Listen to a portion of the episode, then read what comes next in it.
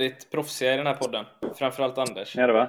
Ja. Ja, det är bra. Du har väl aldrig varit Det proffsig? känns tryggt. Aldrig varit proffsig? Nej, Nej, alltså ni känner ju varandra sedan innan lite. Så Martin, har han varit proffsig eller? det gör väl det. Nej. Oh ja, han var alltid noggrann med allting. Var han det? Minsta detalj. Vad svårt att se. Det enda Anders var noggrann med var han väl var att knyta proffsig på sitt skorna. sätt. Ja, det var en väldigt, eh, han hade sin eh, ritual. Mm, Ja. Det- exakt. Nej då, det är klart han var proffsig. Och då eh, säger vi varmt välkommen till Skillspodden Martin Eriksson.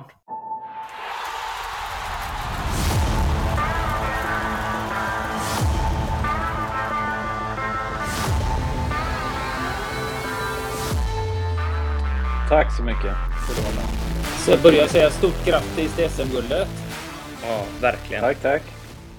Ja, det, Shit vad häftigt. Det, det värmer fortfarande väldigt mycket. Ja, det var grymt. Det var grymt. Så jäkla roligt med, med ett eh, lag som spelar till, sig till ett guld tycker jag ju.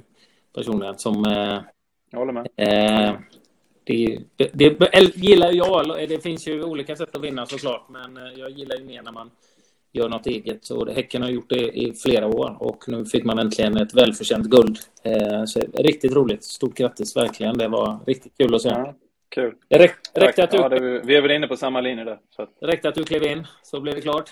gjorde jag va? Ja. Enkelt.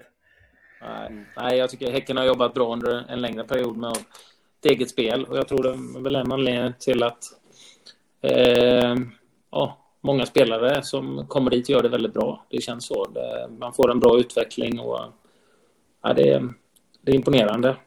Det utvecklar alla spelarna som kommer dit också. Det är inte lätt. Det är imponerande. Nej, men det är väl också ett huvud, eh, vad ska man säga, ett, en huvudargumentation och ett mål när man pratar med spelarna. Eh, Det finns säkerligen klubbar som, eh, som kan betala bättre än oss, men det är väl också någonstans att man liksom att man hittar ett värde och det har man väl någonstans en, en, en fördel så kan man spela att man också vet ungefär förutom det ekonomiska vad, vad som är viktigt. Mm.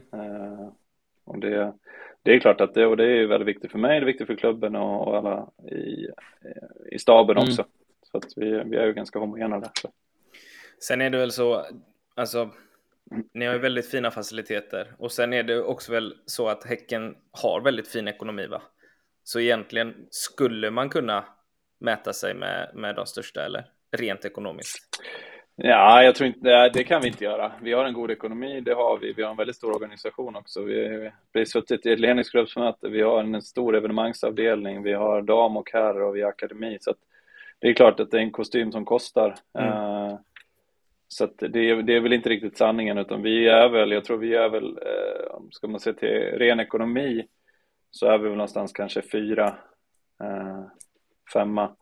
Och eh, ska vi se till, eh, till budget som vi, som vi har för här då, så då ligger vi väl någonstans sexa, sjua Mm. ish någonstans. Så att eh, så vi behöver ju ha en annan fördel för att kunna. Sen är vi ju liksom, vi är, vi har en god ekonomi och vi har en bra grund att stå på. Men sen kan det gå väldigt snabbt också om man om man hamnar lite snett på det Mm. och går all in på ett på ett sätt som kanske inte är hållbart. För känslan för mig när jag tänker på Häcken och den erfarenheten och det man själv har sett de senaste åren. Eh, min känsla av Häcken är att det är en förening som, är, eh, som mår bra men också jobbar långsiktigt med just utveckling och man eh, har bra eh, förutsättningar i, med träningsanläggning, bra eh, tränare, ledare och man jobbar på ett sunt sätt egentligen eh, genom hela klubben och jobbar med att utveckla spelarna. Det är, det är min känsla. Om jag tittar liksom eh, själv så, så tycker jag eh, imponeras över det sättet eh, Häcken har jobbat i, i flera år. Och eh, det är känslan är att spelarna trivs där och spelarna mår bra när de är där. Det är min känsla, men jag, det är klart att du håller väl... Det, är inte så att du kommer säga emot det, men, men känslan är som man tänker långsiktigt. Man tänker på att utveckla spelarna, ett spelsätt och, och eh, en klubb som mår bra. Och, ehm.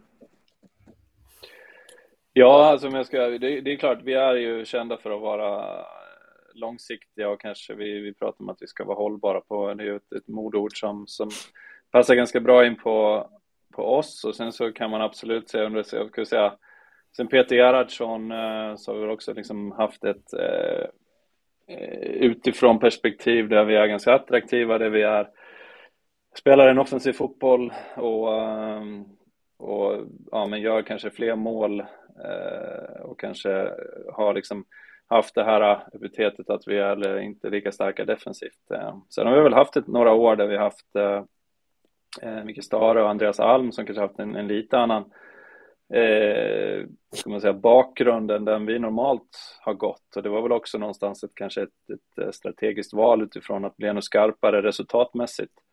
Sen tycker jag väl ändå vi har behållit BK Häcken i det. Eh, alltså, om man ska nu se från, från året som har varit, alltså, och det jobb som, eller, som jag blev Eh, tillsatt att göra när jag gick vid sidan av eh, det var väl också bygga sport, eller som säga, strategin för fotbollen framåt. Och då är det en viktig del i det, det är väl också fotbollsfilosofin som vi kallar eh, BK Häcken-modellen, eh, som lite blivit känt eh, BK Häcken-boll Per Mattias mun utifrån media. Eh, och den har vi väl egentligen, den är väl ganska färsk på sättet vi, vi spelar. Det är väl egentligen förädla de tankarna som som kanske finns både internt men också hur man ser på oss eh, Eh, utifrån. Och då har vi blivit betydligt mycket tydligare hur vi, hur vi vill spela och att det finns en röd tråd.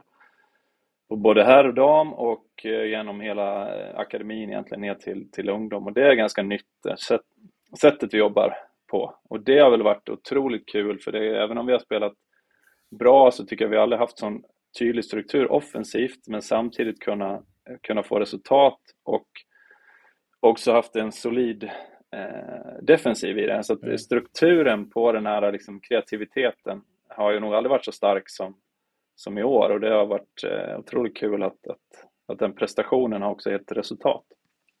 Så det kan man säga, det är väl, det är väl liksom nästa steg i, i vår utveckling och sen så hade väl ingen kanske så kunnat drömma att vi skulle få så mycket eller så bra resultat så snabbt. Men eh, det, det är så givetvis bara en, en, en bonus. Och då har man träffat rätt. Mm. Hur, eh, du kanske inte vill avslöja alla recept i, i BK Häcken-soppan, men, men kan du förklara lite hur ni vill jobba liksom, även underifrån så att säga med att fylla på med ungdomar och vad är strategin?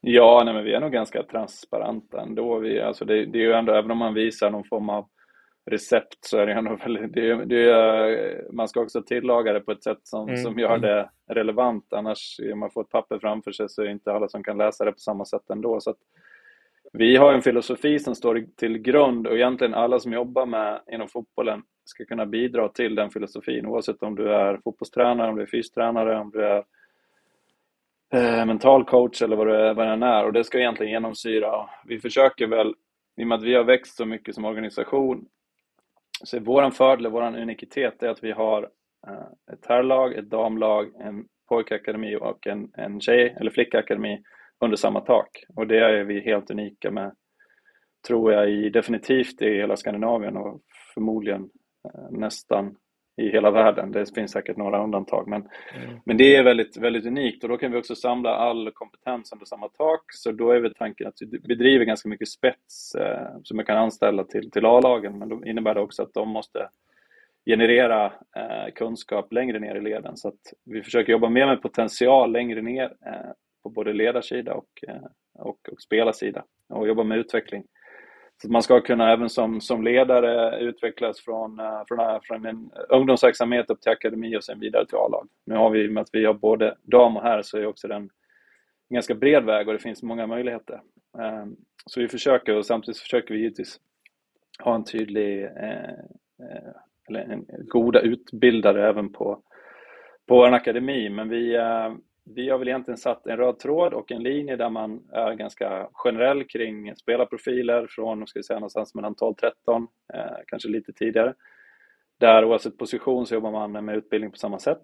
Och sen så försöker vi att den ska bli skarpare och skarpare för varje år som går egentligen. Och att man, att man smalnar av utifrån alla olika delar kopplat till eh, taktiskt eller fysiskt, eh, ja, eller alla delar som egentligen finns eh, och att vi kan följa upp det. Vi är ju precis i en ganska i lindan och har börjat den processen så den, eh, den kan vi väl först egentligen se om, om ett antal år. Mm.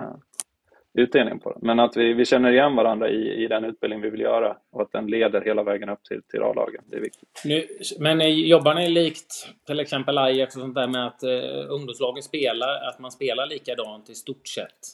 Samma filosofi? Ja, vi har väl satt, ja, jo, men det, alltså från, säg från nio man och elva man, alltså de stora, så, så spelar vi fyra bak och en fram. Sen så har man frihet att att göra, eh, välja däremellan. Och sen så kan man ju också givetvis i, eh, i utbildningssyfte, kortare perioder också spela på andra sätt eller kopplat till en enskild match eller någon enskild del av matchen. Men, men i det stora hela så, så kan man inte bara komma in och göra som man vill som ledare utan att det ska finnas en ram. Och det handlar också om själva utbildningen och, och, och träningssättet. Mm. Vad, eh, om man tittar jämför då ungdomsfotbollen eh, Eh, i Göteborg. Känslan som man har, nu är jag ju precis en nybörjare där och min, eh, min son och det laget jag coachar börjar komma upp i den åldern eh, där det, nu blir det ju nio manna då, eller nio mot nio nästa år, första året. Och eh, då man i Göteborg för första gången får nivåindela lagen. Vi ska inte gå in på den mm. debatten för då blir jag bara vansinnig igen. Förbundet som svarar inte längre när jag hör av mig. Och det blir lite upprepning också. Ja, det blir lite upprepning. Mm. Men Eh, känslan som jag har då från att ha pratat med många klubbar runt omkring och eh, är att Häcken, att ni jobbar lite annorlunda jämfört med kanske man säger de tre andra elitlagen, ÖIS, Gais och, och, och Blåvitt, där det egentligen scoutas in och rings in och jagas in spelare. Som jag har sett, de lägsta eh, som jag träffade var, skulle fylla åtta år liksom, som skulle träna dessa klubbarna. Mm.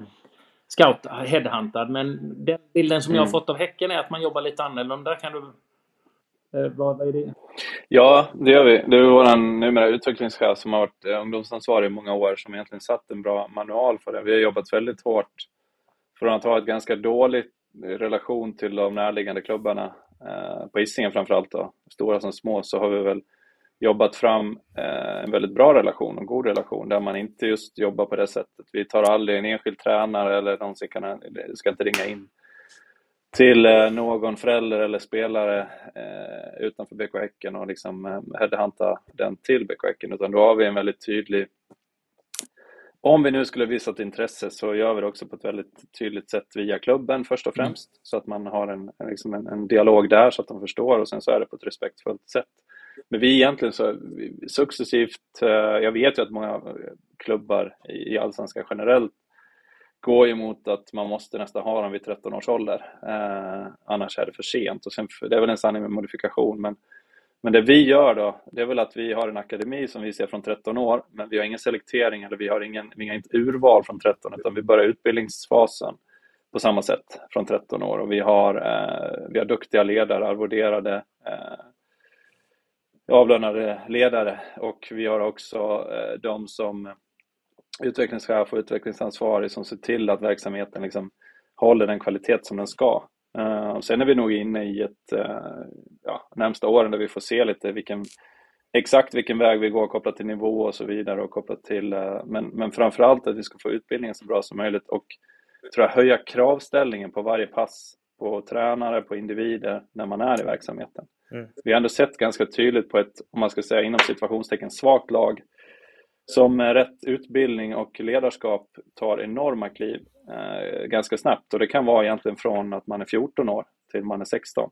Så att just det där, det är svårt att säga vad som är för sent ibland, men, men vi vill ju vara, vi har ju bredd, bredd akademi och elit och det vill vi fortsätta ha, men sen får vi exakt se hur vi liksom, men att, att eh, det viktigaste för oss är att utbildningen hänger ihop och sen är det väldigt viktigt för oss att, att ur många aspekter att den relationen också med klubbar eh, sköts eh, på ett bra sätt. Det är väl det som jag känner också. Just den där relationen eh, med andra klubbar är ju otroligt viktig. För det blir ju eh, andra klubbar, jag har ju pratat med spelare i den föreningen och det finns ju en av de här klubbarna som ändå är en elitklubb i Göteborg där där föräldrar har gått så långt så att de eh, råder sina barn att gå nästan till vilken klubb som helst, bara inte den. Och de har skaffat sig ett, mm. ett, ett enormt dåligt rykte, vilket såklart är eh, beklämmande för dem. Eh, men det som jag tycker är intressant också det när man jobbar med bredd och som du bredd och elit. Det är ju så att det sker ju väldigt, alltså många utvecklas ju väldigt, väldigt olika. Om man tittar, eh, tittar på de andra elitklubbarna som jag har nämnt, liksom, där de har värvat in spelare. Det är ju väldigt många som är tidigt utvecklade, individuellt väldigt långt fram. Mm. Men man, risken då, som jag ser det, det är att man, eh, man eh, försummar de här som är kanske lite mindre, som är lite långsammare i utvecklingen eh, motoriskt, men som ändå har potential att bli och, eh, väldigt, väldigt duktiga spelare. Jag själv var ju också sån. Jag var ju ganska sent motoriskt, liksom liten till växten, men bra speluppfattning. Men det känns som många klubbar vill vill ju gärna vinna kupper och titlar i 8, 9, 10 års ålder. Eh, och det mm. tycker jag är lite skrämmande och lite oroväckande för svensk fotbollsutveckling. Att man, eh, man kan tappa riktiga liksom, guldkorn som kan utvecklas lite senare. Man försummar dem lite tycker jag, på många sätt. Men det verkar som ni jobbar lite annorlunda och försöker få med alla och ge alla en bra ja. utbildning och en möjlighet att utveckla i sin takt. Ja, men det försöker vi. Jag är själv eh, och är fortfarande lite aktiv i, i min son som går upp på 11 manna nu i Mölnlycke, så jag har varit med hela resan och jag vet exakt eh, hur klubbar presenterar sig och det kan allt vara från hur man coachar lag till, och det är skräm, väldigt många skrämmande exempel fortfarande tycker jag i, i ungdomsleden runt om i Göteborg. Och det är rätt så nyttigt för mig att se de här, eh, hur man mm. är och jag skulle aldrig tolerera det i, i BK Häcken och jag vet att vi har haft ett ett, ett antal sådana tuffa samtal. Nu är det inte oftast jag som tar dem, men ibland så blir man eh, inblandad. Och, och jag, jag, jag, tror ju inte på det överhuvudtaget. Och, och kopplat till, kopplat till eh, att, att man inte, alltså jag, jag ser ju hellre, jag, jag, jag tycker det finns oftast mycket mer intresse, det är mer intressant att en spelare som inte fysiskt har utvecklats men som, som har många intressanta egenskaper och får någonstans arbeta hårt i, eh, Eh, för att, liksom, för att någonstans kunna eh, klara av det. Men där man ser potentialen kontra någon som är fysiskt tidigt utvecklad eh, och gör kanske massa mål eller har massa framgång resultatmässigt men där egentligen eh, med ganska få verktyg mm. eh, framåt sett och, och, och, inte så mycket att utbilda. Så att det, jag tycker det är väldigt viktigt att komma ihåg. Vi har ju adderat på ett 16-lag i akademin också just för att få den, att det finns ett extra år för de spelarna vi plockar upp. Eh, då kanske framförallt egna talanger som inte riktigt är redo för akademin men, men som vi ser stor potential i. Mm. Så jag, jag, jag, tror det är det. Och, och jag, ska, jag, kan dra en, för att inte bli för långrandig, men, men det är ganska intressant att se korrelationen till bra lag och starka individer. Vi har ju noll fokus på att det är egentligen det enda fokuset vi har att, att våra akademilag ska hålla sig kvar i respektive serie för att, för att kunna liksom vara representativ och att man spelar i respektive högsta serie, för det är viktigt. Eh, men annars har vi inga, eh, inga resultatkrav. Och det vi ser nu när vi har haft något lag som är otroligt framgångsrika resultatmässigt, men det vi egentligen ser ett ganska svagt resultat individuellt. Och sen så kommer det lag då efteråt med ganska svaga resultat som lag, men där vi får fram kanske tre väldigt spännande individuella spelare. Och, och, och gör vi det så är svaret givet för oss. Det gör vi varje dag i veckan. Mm. Att vi kan presentera spelare till A-laget, det, det, är det absolut viktigaste. Och det är det. För det var det där jag ville komma in på också, mm. det du sa Anders. För att jag tror att vi har pratat om det innan, att det här med, med, med ledare som är i akademilag upp till en viss ålder, men de är i akademilag, satsar väldigt mycket på kortsiktiga resultat för att nå en egen Alltså för att klättra uppåt på sin egna karriärstege. Liksom. Mm. Och det, det ansvaret landar väl på klubben då, hur man, hur man ser till ja. de tränarna och deras prestation. För det blir svårt om man bara mäter resultaten. Då kommer ju tränarna vilja bara gå på resultaten också. Kortsiktigt. Jo, ja, det är klart att alltså, det, så är det. De är ju någonstans en, en, en spegel av, av klubben. Mm. Och tar inte klubben ansvar eh, för det, eller om man nu, man kanske gör det, kanske är resultat som är viktigast, då är det väl fine då. Men, mm. men där försöker vi ha ansvariga på plats, eh, både på, på match och träning. Sen är det inte alltid man klarar av det, men det är väl ambitionen liksom att se och framförallt ha diskussion varje eh, löpande och hur man tränar och ge varandra feedback i det hela tiden så man utvecklar. Men att det ska absolut inte vara det enskilda resultatet. Och ofta är det så. Sen är det väl lite, man, jag, jag kan tycka att man, man sätter sig på en rätt hög pedestal när man ska peka ut vem som är nästa eh, duktiga spelare i, i 8 till 10 års ålder. Mm. Eh, och vem är den personen att bestämma det? Och ofta så är det tyvärr sådana personer som kanske är långt ifrån kompetenta att, att dra den slutsatsen. Mm. Som ofta gör det. Så är det ju. Jag, jag tror ju också det. Och jag tror också på det att de som ligger lite efter är de som får hitta andra egenskaper, som får kriga lite grann, som har lite motvind ibland. Det är oftast de som man upplever mm. skapar de här extra egenskaperna för att kunna hävda sig och som kanske sen bär frukt och, och, och, och klarar att gå längst av alla egentligen.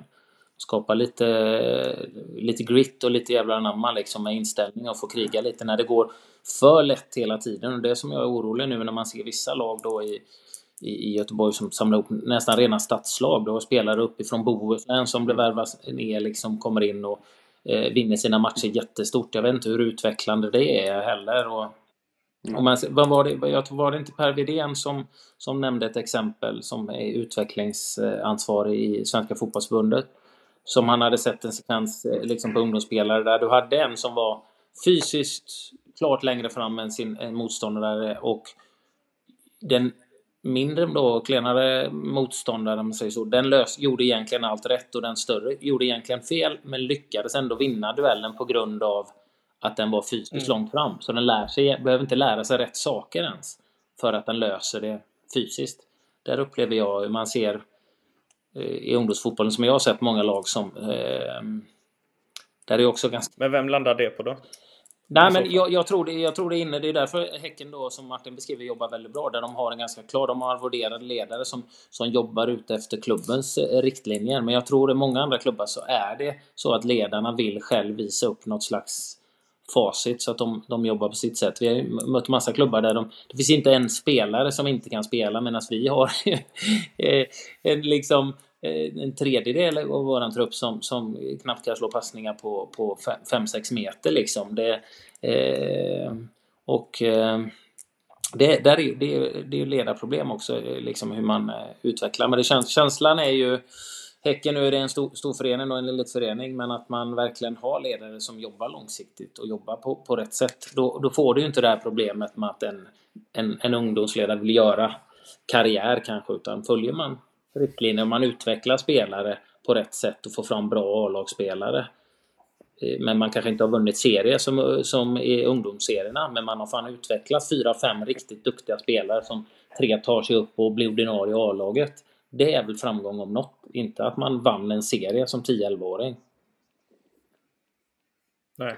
Nej, men det är väl det och det är väl också varför, precis, varför gör man det och varför gör de vuxna det? För det är ofta en vuxen lek och klarar du av någonstans kanske, ja du kan väl ha, du kan väl någonstans eh, nivåanpassa och selektera tidigt om du gör det på rätt sätt och om du utbildar, du kanske spelar upp i nivå men sen är det också vilken typ av människor du utbildar. Eh, jag tycker det är otroligt eh, någonstans vilken, alltså vi pratar också mycket vilken typ av spel, eller liksom vilken typ av människor och personer mm. som man, precis som någon som kämpar eller någon som kommer tro att man tror in, kommer och tror att man kan allt redan innan är ofta en ganska, har en ganska stor uppförsbacke och det är eh, ja, som säger, rent sagt lite, lite osexigt också någonstans att, att, att faktiskt, och, och inte speciellt inspirerande heller tycker jag.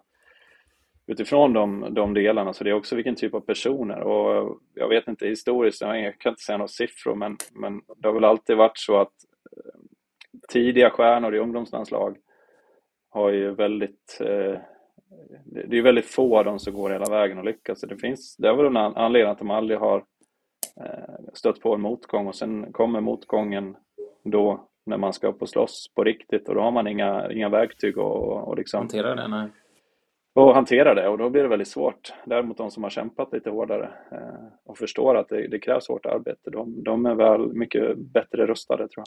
Jag tror ju också det kan också sätta sig på lag tycker jag. För jag upplevde när jag spelade ung lag som, som vann allting. All, allting de, eh, som, i, i alla fall i regioner där, där jag huserar som ung. Liksom. Men det, det, var ingen spelare där som ens klev upp till allsvensk nivå. Och jag tror, får man inga motgångar alls för, för du nästan blir mellan junior och senior liksom kommer upp i den åldern, då blir det svårt. De har aldrig lärt sig att hantera motgångar. Eh, inte behövt hantera det.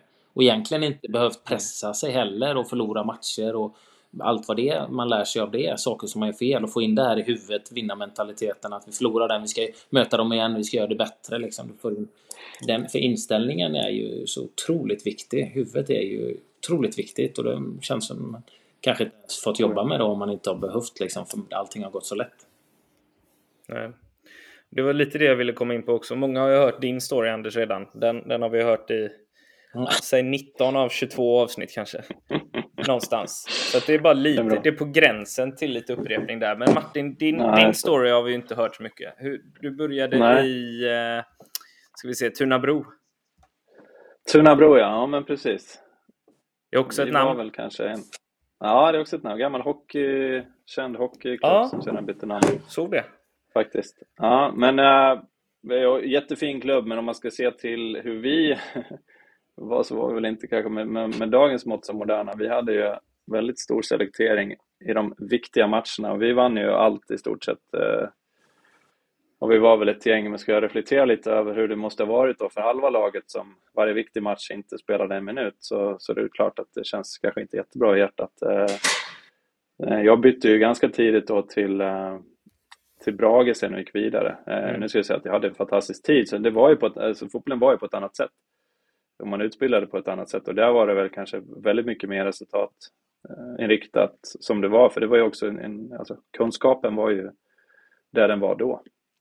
Men, ehm, och då mätte men det var alltså min utbildning på. Ja, på ett, och, och gjorde man ju det direkt. Vi spelade cuper. Mm. Och så där var och då var det sju man och elva man. Så sju manna sessionen höll jag till i Tunnabro och sen så bytte jag då till min, uh, egentligen för att min, min pappa då var tips elittränare som det då hette, motsvarande mm. akademi idag. Så han var ju tips elittränare i, i Brage.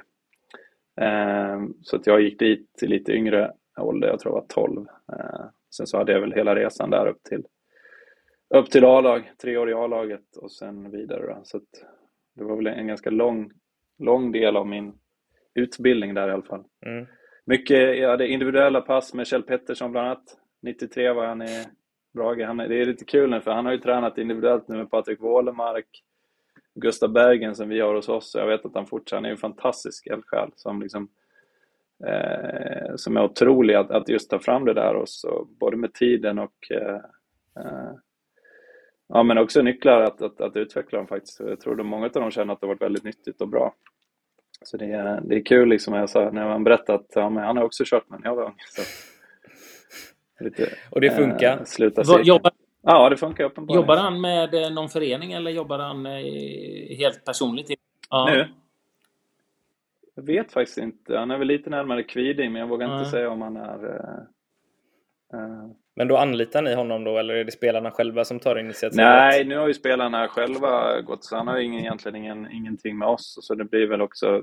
Idag finns det ju så otroligt många individuella tränare, så vi försöker väl vara ganska försiktiga med det. Sen vet jag att, att både akademispelare och vissa andra även eh, gör det ändå, så att säga. Men men eh, i det här fallet så har vi ändå vetat om det så då, och spelarna har tyckt det var bra så då har det varit fint. Just nu tror jag inte han har någon i, i laget.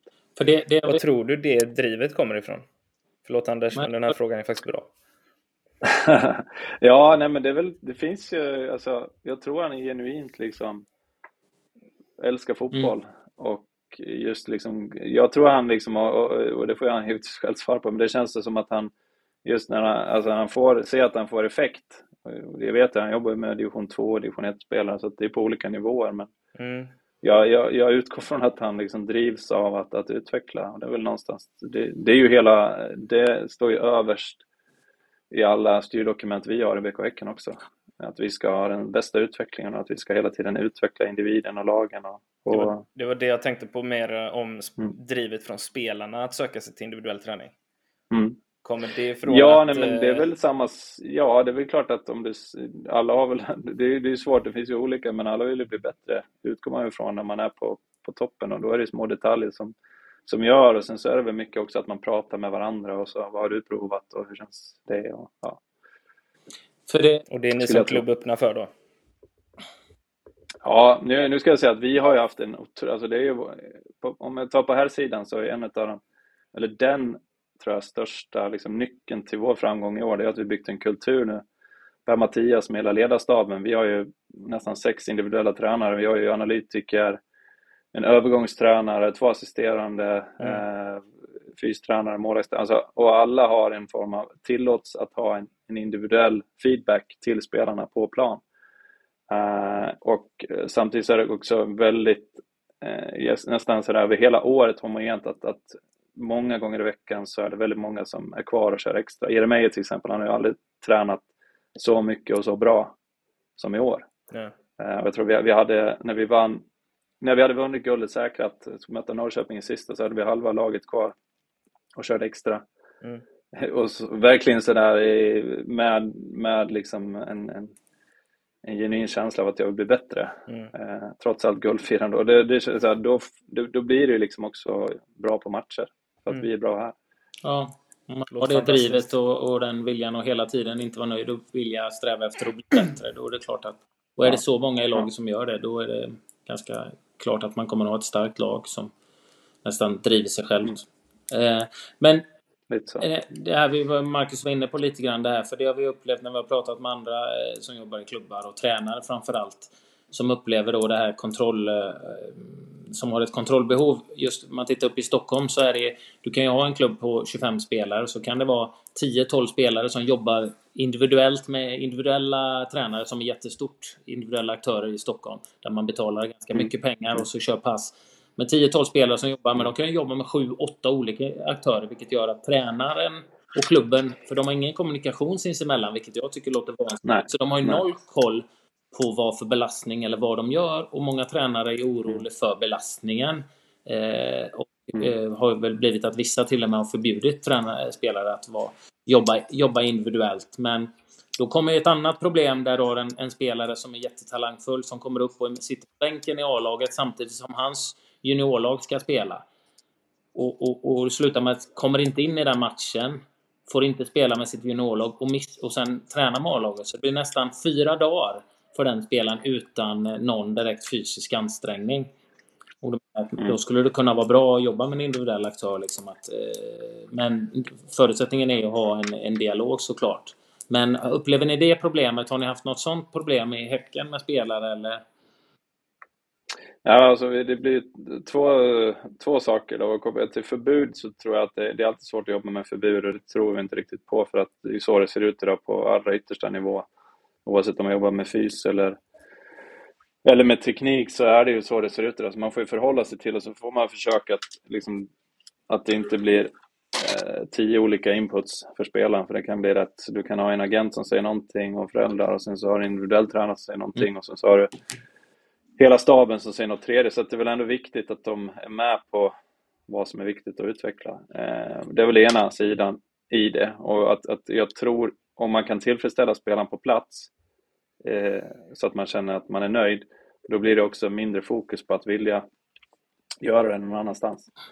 Och sen tror jag kopplat till de här unga spelarna så det har vi också den problematiken och vi pratar väldigt mycket om det. Eh, vi försöker väl, vi har bland annat tagit upp Uh, nu har vi två 17-åringar, kanske tre snart, i truppen och där försöker vi väl ha ett fokus att man är med och tränar uh, först och främst med A-laget för att få den moroten och utvecklingen och sen så har man sin, sin eh, huvudspelmiljö i, eh, i 19-laget till exempel. Eh, sen får man ju alltid värdera vecka vecka, ska man sitta på bänken och troligt ett inhopp, ska man göra någon minut eller ingen minut om man spelar till exempel lördag, söndag? har man spelat innan så kan man alltid reglera det till efteråt på en akademimatch, men är det tvärtom så...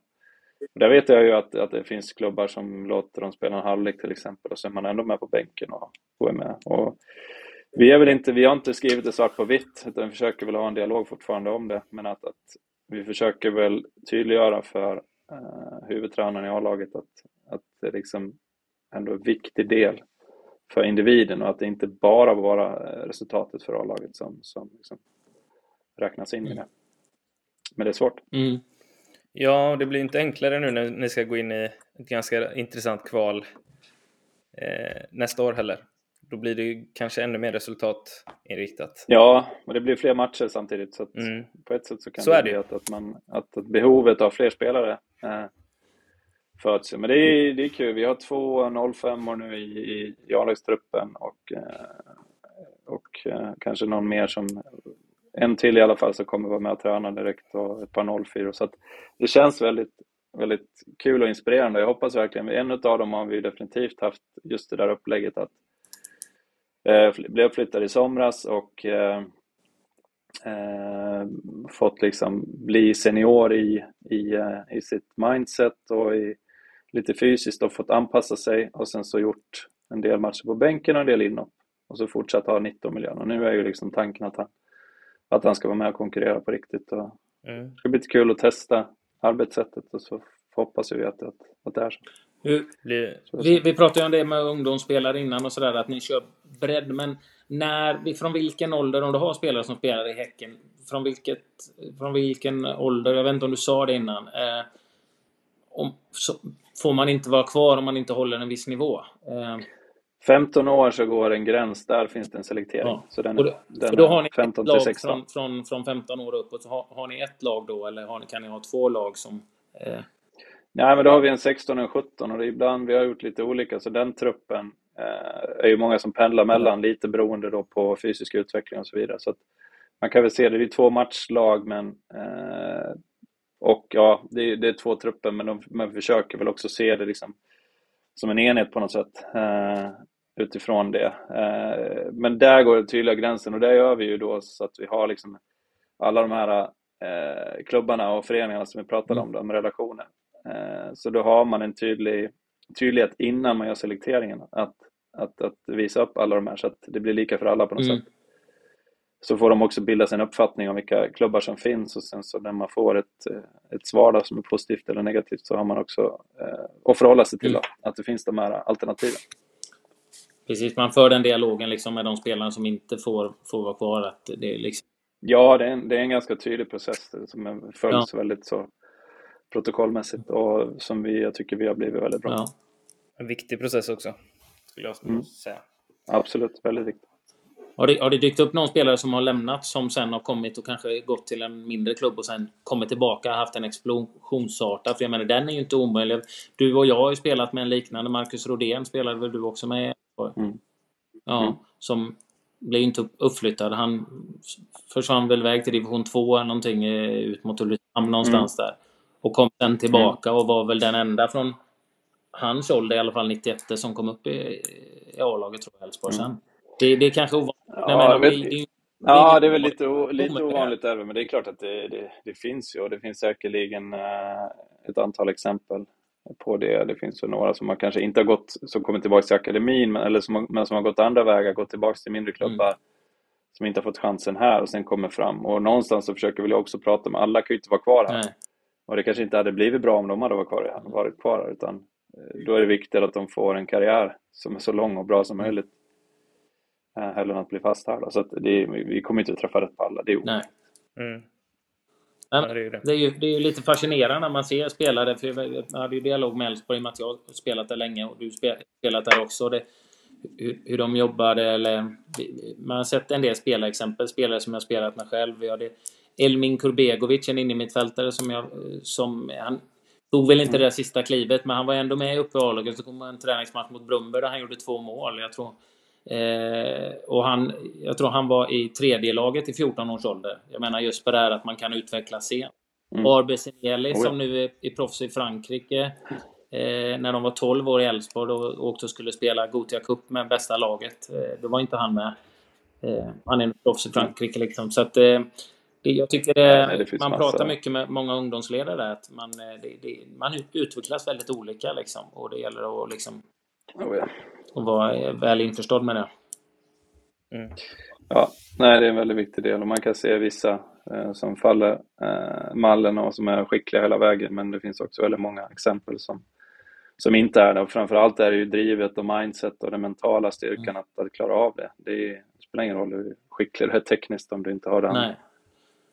Är ganska... Men är du något delaktig i Mölnlycke själv eller? Ja, men det är jag. Vill du styra träningsmatch nu Anders eller?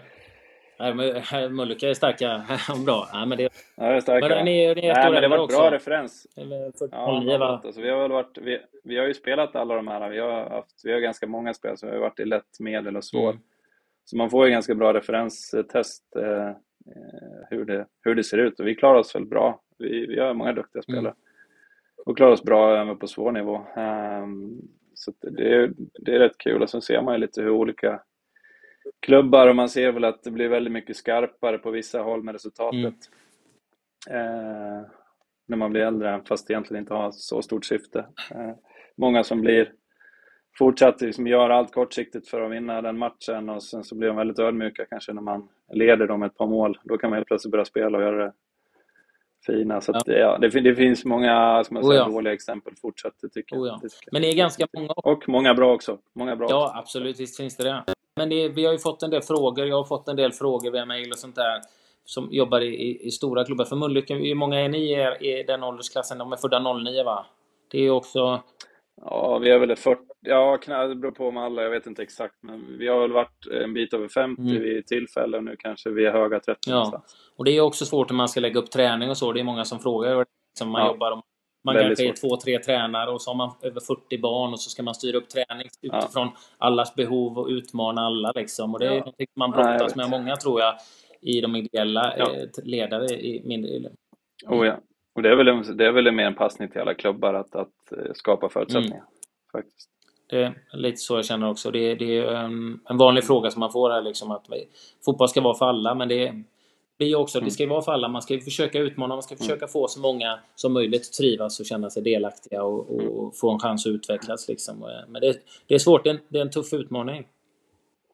Mm. Definitivt. Nu ska bara en brasklapp. Jag har ett möte vid två här så jag behöver... Jag med, så det är ingen fara. Bra brasklapp. Anders ska, komma, Anders ska komma till sin stående fråga nu tycker jag.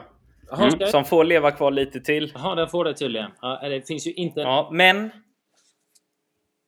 Utan din timmes långa utläggning om varför du ställer frågan. Okay. Ja. Så du får ge Martin utrymme att utveckla sitt svar istället. Ja, okej okay, Martin. Eh, du känner till rondo, kvadraten, rektangel, den här övningen. Ja. Mm. Är du ja. för eller emot? Och eh, gärna förklara ditt svar. Nej, jag är för. Vi tränar väldigt mycket i vårt... Eh, både här egentligen på yttersta eliten, eh, men också i Mölnlycke som jag själv. Eh, och det, är, det, är, det är väl för att det är en, en jag är väl för för att det är en, eh, en, en liksom någonstans en, en spelövning fast ändå eh, man kan kontrollera på olika sätt. Du kan flytta ytan, du kan använda numerären eh, och du får mycket av det här med det direkta beslutsfattandet eh, som jag gillar. Liksom, som jag tycker kanske i svensk fotboll generellt eh, vi, vi har varit lite för dåliga på med en första touch och en passning. Hur du slår passningar på olika sätt och hur du kort rör dig för att liksom skapa förutsättningar. Eh, och också hur du blir någonstans i, om man då ska gå till det offensiva, så hur du har en avslappn, avslappnad eh, ska man säga, kontroll över din kropp och därmed också tillslag. Du, och inte minst att du utsätts för väldigt många repetitioner mm. på kort och många beslut. Så jag tycker den är väldigt bra. Håller du med mig eh, i det här när jag säger att många svenska tränare, som i alla fall jag har haft, ser det som eh, någonting som spelarna bara vill göra och man sätter upp den och så får de göra det. Eh, när det i själva verket är någonting som under rätt ledning skulle vara väldigt utvecklande.